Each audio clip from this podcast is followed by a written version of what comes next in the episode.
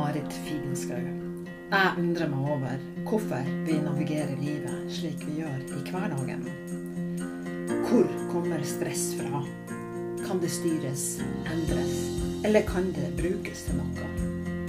Jeg skal by på mine erfaringer, men også forfattere, forskere og andre meningsbærere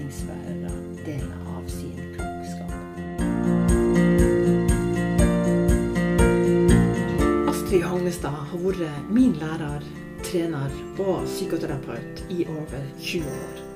Sammen med henne så har jeg løst meg fra fastlåste mønster, og min egen omstartsprosess kom på skinner.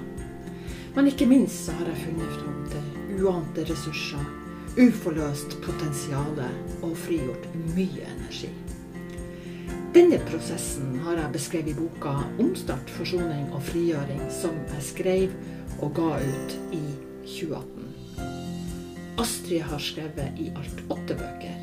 De handler bl.a. om følelser og hvordan vi utvikler uheldige reaksjonsmønstre når følelser ikke blir anerkjent. Sjøl har jeg hatt stor glede av bøkene 'Broer til oss selv', 'Livets spor', boka 'Alene'.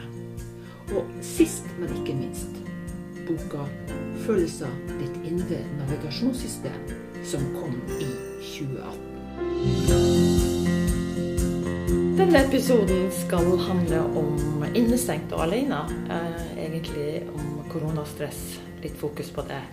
Hvordan kan overgangen arte seg fra eventyrlig frihet, kunne gjøre det vi vil, gå dit vi vil, til å bli innestengt og begrensa av mange koronaregler? Hva tenker du, Astrid? Ja, jeg tenker jo mye forskjellige ting. Fordi um, det gir seg jo utslag på veldig forskjellig vis for de uh, enkelte personene. For mange er, har det vært veldig godt å ha mer tid, mer ro.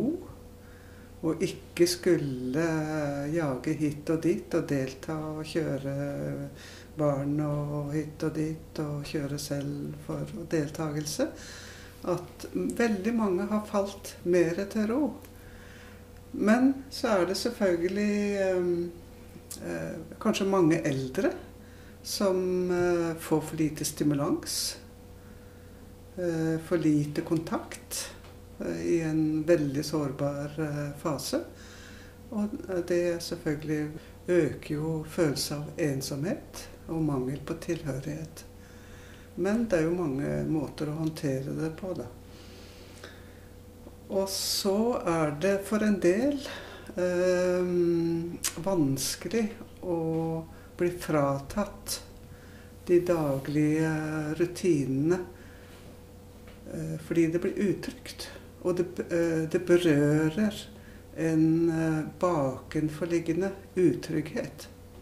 Altså, det handler ikke bare om bakenforliggende sykdommer, men det handler også om eh, bakenforliggende utrygghet. Fordi så mange mennesker har opplevd utrygghet i oppvekst. Pga. fraværende foreldre, rus, avvisning, overgrep,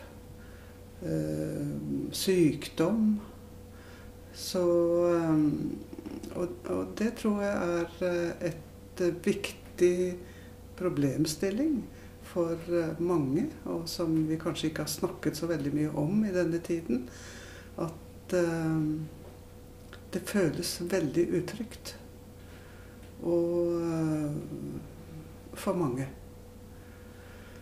Og så er det selvfølgelig da eh, Vi snakker om psykiske problemer, eller følelsesmessige problemer de som sliter med det, og sliter med rusavhengighet, det er selvfølgelig Det følger i kjølvannet av den derre utryggheten og angsten for å bli forlatt.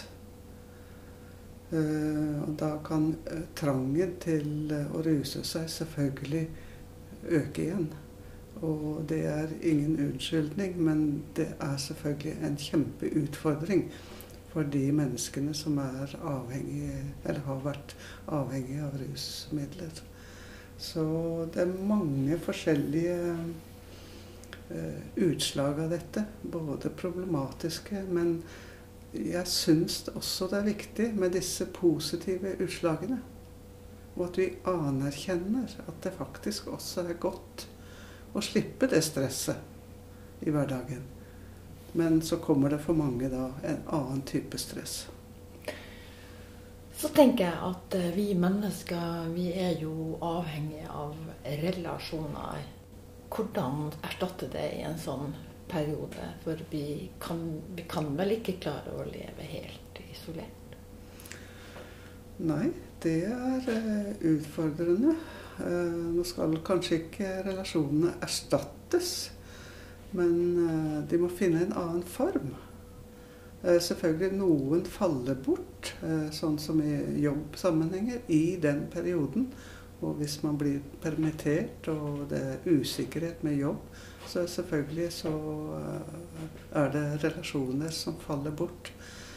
Men det er jo også relasjoner som er der, da. Til tross for avstand. Fysisk avstand. Mange har jo da brukt telefon mer, eh, SMS, Skype.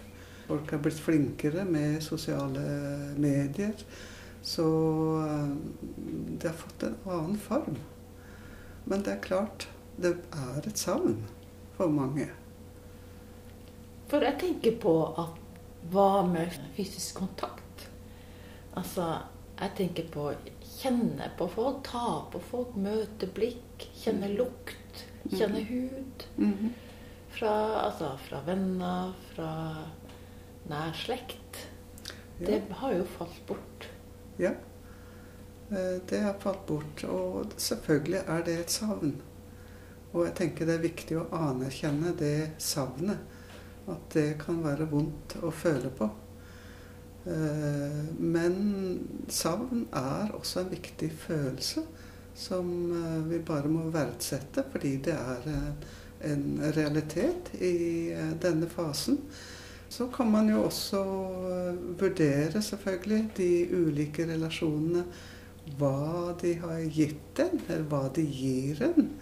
Ikke bare sånn fysisk, men sånn generelt.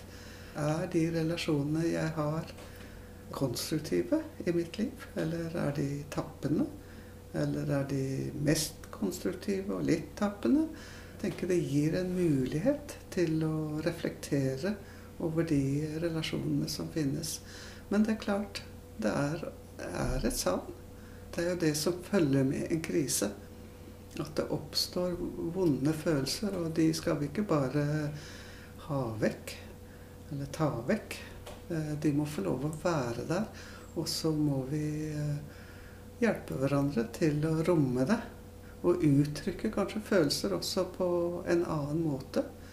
Jeg eh, ser jo på SMS og Facebook Altså man bruker følelsesuttrykk med hjerter og blomster. Og, og det er jo også det, det, aktiverer jo følelser i oss. Mm. Og man kan jo skrive kort. Ja, det går fortsatt. Ja. Men så tenker jeg også sånn, siden du bringer opp akkurat det med følelser Jeg har en oppfatning om at det kanskje ikke har vært plass til så mye følelser. At koronareglene kanskje har styrt oss veldig. At vi skal, vi må, vi bør. Og at uh, det å være fortvila, det å være forbanna, det å være irritert eller oppgitt eller lei seg eller trist mm ikke har vært kanskje så tillatt? Ja, nå har jeg jo inntrykk at folk har uttrykt mye frustrasjon over hytteforbudet f.eks. Da kom det i hvert fall frem. Og jeg har jo også inntrykk av i de samtalene jeg har, at folk eh, blir lei seg og strever med de reglene. Og eh, kjenner på savn og, og sånn. Men det blir kanskje ikke snakket så mye om i det offentlige rommet. Det er vel riktig. Men jeg tror kanskje at det er andre følelser som har mer rom. Fordi jeg tror den effektiviteten som veldig mange opplever i hverdagen, det er det som bidrar til at følelser skyves vekk. Og så vil det selvfølgelig oppstå tomrom og frustrasjon når man da tvinges til å, å være mer eh, alene, mer isolert. Og det er jo en veldig utfordrende overgang. Å faktisk eh, slippe frem følelsene da. Vi blir jo oppfordra, og har blitt oppfordra i denne perioden, til altså når vi føler oss alene og innesperra og trenger kanskje noen å snakke med, at det er bare å ringe. Mm. Det er kanskje ikke så lett i, under normale omstendigheter. Hvordan tror du det har vært nå? Det Ja, jeg tenker jo også igjen at det er veldig forskjellig.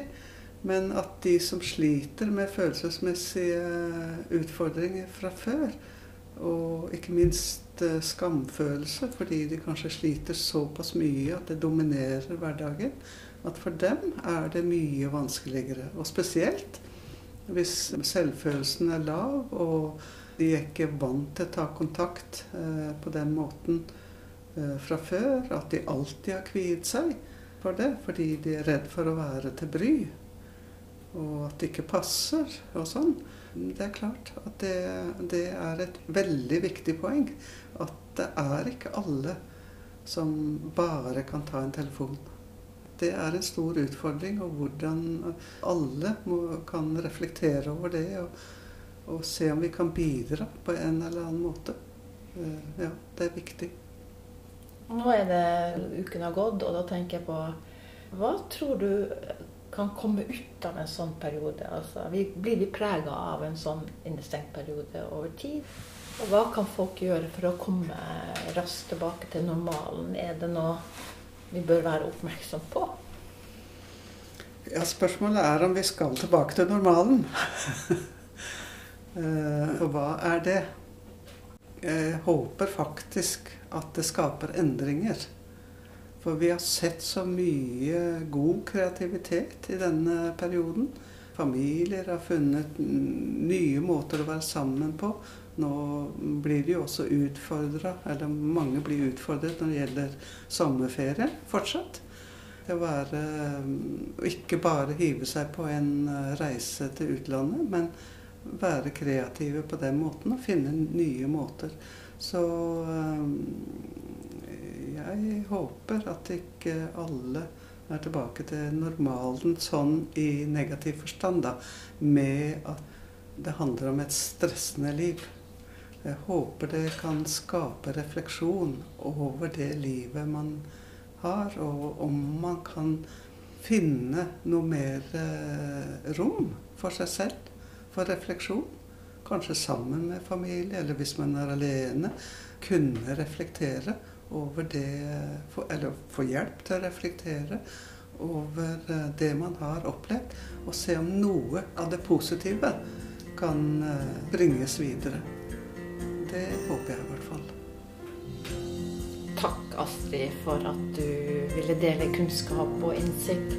Og kanskje har mange fått enda flere spørsmål, og kanskje han kan få svar.